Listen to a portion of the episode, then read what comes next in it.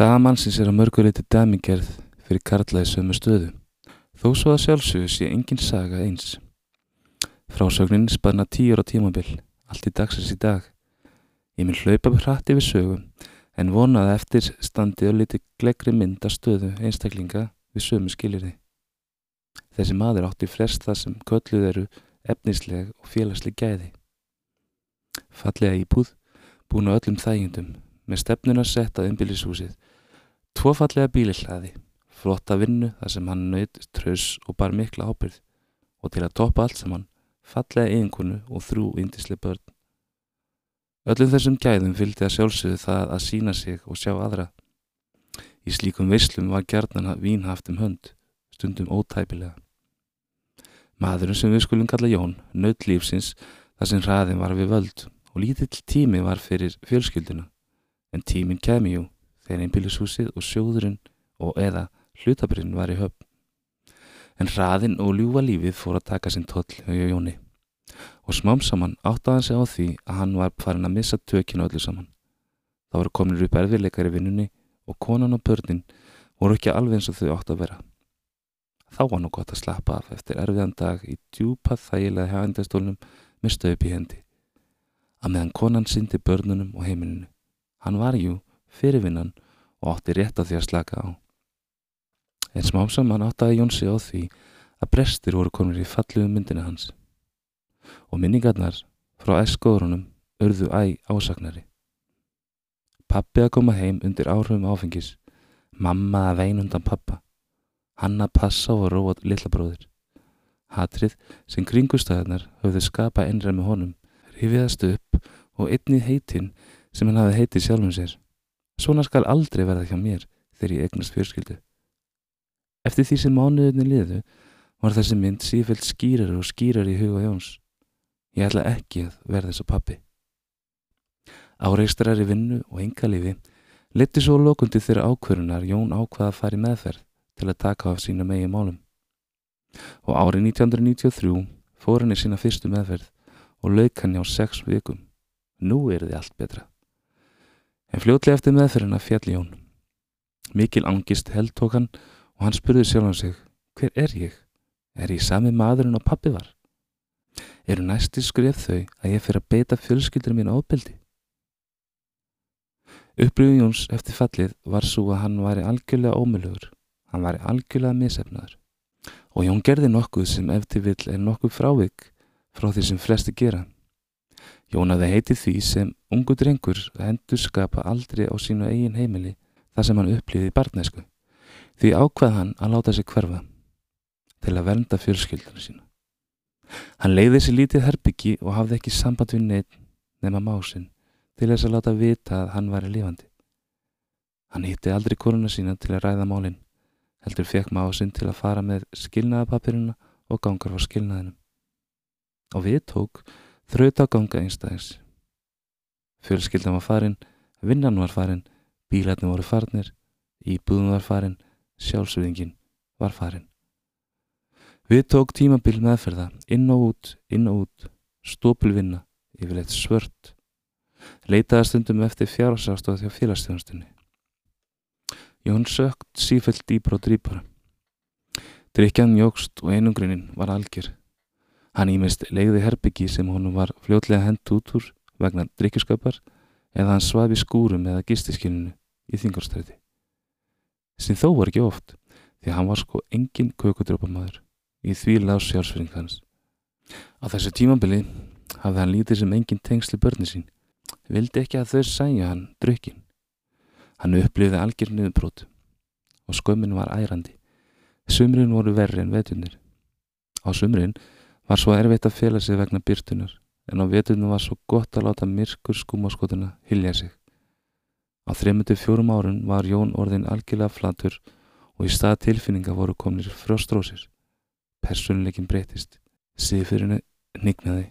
Húnum hafði verið treyst fyrir miljónum og ekki mátti vam sitt vita. Tók nú til við að fjármagna neysluna með öllum þeim ráðums er hann kunni. Kvatarnir til að verða edru hurfu nú einn af öðru. Voninum að eignast konan og börnin aftur hvarf er hún tók sama við annan mann og gifti sig. allt var farið. Líka tilfinningandi til barnana. Jú, hann óskaði þeim velfarnar en var saman hvort hann væri í einhverjum samskiptu við þau eða ekki. Um þetta leiti verða sjálfsvíkshugsanir æg ágengari sem endaði með því hann gerði tvær alvarlega tilvörunir til sjálfsvíks og er í framhaldi að því laðurinn og getild í tvo mánuði. Eftir þá innlögn fór hann í meðferð. Í þeirri meðferð byrjaði hann að sætta sig við orðin hlut og sjálfsvorkurinn byrjaði að láta undan. Við tók tímabil etrumennsku. þar sem hann byrjaði að byggja upp tengslu börni sín, meira þó af skildu en ást. Hann var hann að vinna og bjó í góðu herbyggi. Tengslinn voru þó í lámarki og aðeins við börni sín og fóröldra sína. Hann reyndi ekki að byggja upp önnur tengsl. Á þessu tímabili byrjaði hann í fyrsta skipti að verða var við þunglindi sem ekki var beinleginni sneikslutengt. Á þeim tíma sem í hönd fór ágerist þunglindi mjög. Það reyndi að standa sig en hinn veika markmiða uppbygging sem hafi lítilega láti á sig kræla kvarf eins og dög fyrir sólu. Hann sök enn dýbra og varði líðnan þannig að honum var samum allt, dauðiða líf, skipti yngu. Þetta tímabil endaði þannig að hann fjall voru 1999 en var í neyslu stuttan tíma og fer aftur í meðferð. Í þetta sinn fer hann í langtíma meðferð í hlaðkjörgóti og í framölda því á áfangaheimili samhjálpar þar sem hann bjó í sjö mánuði. Hann var komin á lið við þunglindunu og dagspyrta var ekki lengur eitthvað til að óttast og trúin á Guð sem æðri mátt kviknaði hjarta hans. Í framhaldi af þessu fór hann enn í uppbyggingu tengsla og þessu sinni ekki aðeins við börn og fóreldra, heldur byggðið hann í upp samband sitt við sískinni sín. Hann fekk góða vinnu og gammal metnar fór að gera vart við sig. Hann kynnti skonu og þau fór að búa saman. En þá verða honum á aftræðarik mistök. Hann telur sér trúum að hann þurfi ekki lengur á þunglindislifunum að halda og hættir að taka þau.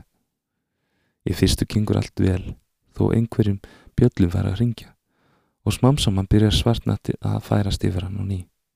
En auk þess sem að sambiliskona sem ekki var hótrykjumanniska fór að auka sína hótrykju þess að kringustæður voru meira en Jón þóldi og uppkjömmur ósætti sem endaði með því að hann flutti út. Og enn er Jón orðin einn. Hann leiði sér herbyggi en þunglindi og vannmatta tilfinningin heldtaka hann. Aðeins viku eftir hann flutti út var hann komin í Nislu ný. Hann var þó fljótlega sóttur af bróðusunum og er laðurinn á getild, að það sem hann var í tvo mánuði. Hann er útsköfaður en án þess þó að þunglindislifin sem reynd voru á honum hafi virkað sem skildi. En vegna aukaverkana þá var sífelt verið að reyna ný lifa á honum. Við tók tímabil þar sem niðurbroti var algjört. Ástand hans versnaði stöðugt. Hann var þó án áfengis en einangraði sig æmera. Síðustu nýju mánu þess tímabils var ástand hans þannig að hann þreif sig ekki, borðaði ekki, horfði ekki sjónvarp, hlustaði ekki útvarp, svaf bara og let sér minnst á sig bera. Í fyrstu hjælt hann gríminu glansandi og hjælt tengslum í nokkuð góðu lægi en misti fljótlega tökin á því. Hann hætti að svara síma eða ringi í ná, sína nánustu og svaraði ekki dýrapillu, heldur einangraði sig algjörlega. Hann passaði þó að láta vita oft af sér að ekki er þið reynd að svifta hann sjálfur að þið og leggja inn. Í dag lýsi Jón þessu sem svartasta tímabilunni í lífi sínu. Í april 2001 fjall svo Jón enn og ný og er í neyslu fjóra vikur. Að þeim tíma loknum fær hann inni í langtíma úræði hjá samhjálp og uppbyggingin sálar, anda og líkama hefst. Uppbygging sem enn stendur yfir. Til að gera langastu sögustutt að þá leipir hatt yfir sögu og fær ykkur Jón í dag. Hann býr í áfangaheimili. Hann er með ágæta vinnu og hefur náð að byggja upp indisli sanskipt við börni sín. Það sem föðurástinn hefur tekið við af sinnuleysinu og flatniskjunni. Hann er unnið markvist að eigin uppbyggingu og tengsla fyrir sína nánustu. Styrk sinn til þeirra vinnu sækjar hann í trúna á Jésu Krist. Hann hefur sett sinn í markmið þar sem andlega gæði eru sett ofar efnislegum. Hann er á 50 aldri og vona sínu fyrsta barnabarni fljótlega. Hann hefur sett sér nýjum markmið. Eitt þeirra er að verða góður og kælir sig ykkur afi, veita öryggi og kærleika. Hann horfi björnstum augum fram á veginn, eitt að einu. Þegar hóstaði tilbaka er eitthvað sem aðstandandur eða aðrir hefur geta gert til að hjálpa Jóni fyrr. Stutt mat Jóns er þetta. Hefði einangrinn mín verið rofin til dæmis með sjálfsræðis sviftingu og eða hefði fólk ekki látið mig friði, þá hefa ég ekki að fyrr hefði mátt koma mér til hjálpar. Ég hefði einnið þurft mun fyrr á langtíma meðferð að halda, líkt á þeirri sem ég fekk núna síðast að semhjálp. Einnig efa ég ekki að í mínum fyrir meðferðum að hefði verið tekið betur á þráhækjuminni sem fólst í þeim fórsendum að sem ég settið fyrir því að ég geti verið edru sem á sjálfsóskun minni sem var minn versti óunur. Það hefði gengið betur. Ég vona að þessi pistil hafi opnað smá glöfin í heim þeirra sem eru langleitir í alkoholisma. En einnig vona ég að mér hefði tekist að sína fram á að það er nokkuð sem að hversu fennið er djúft, svo lengi sem maður lifir, svo lengi er vona að pata.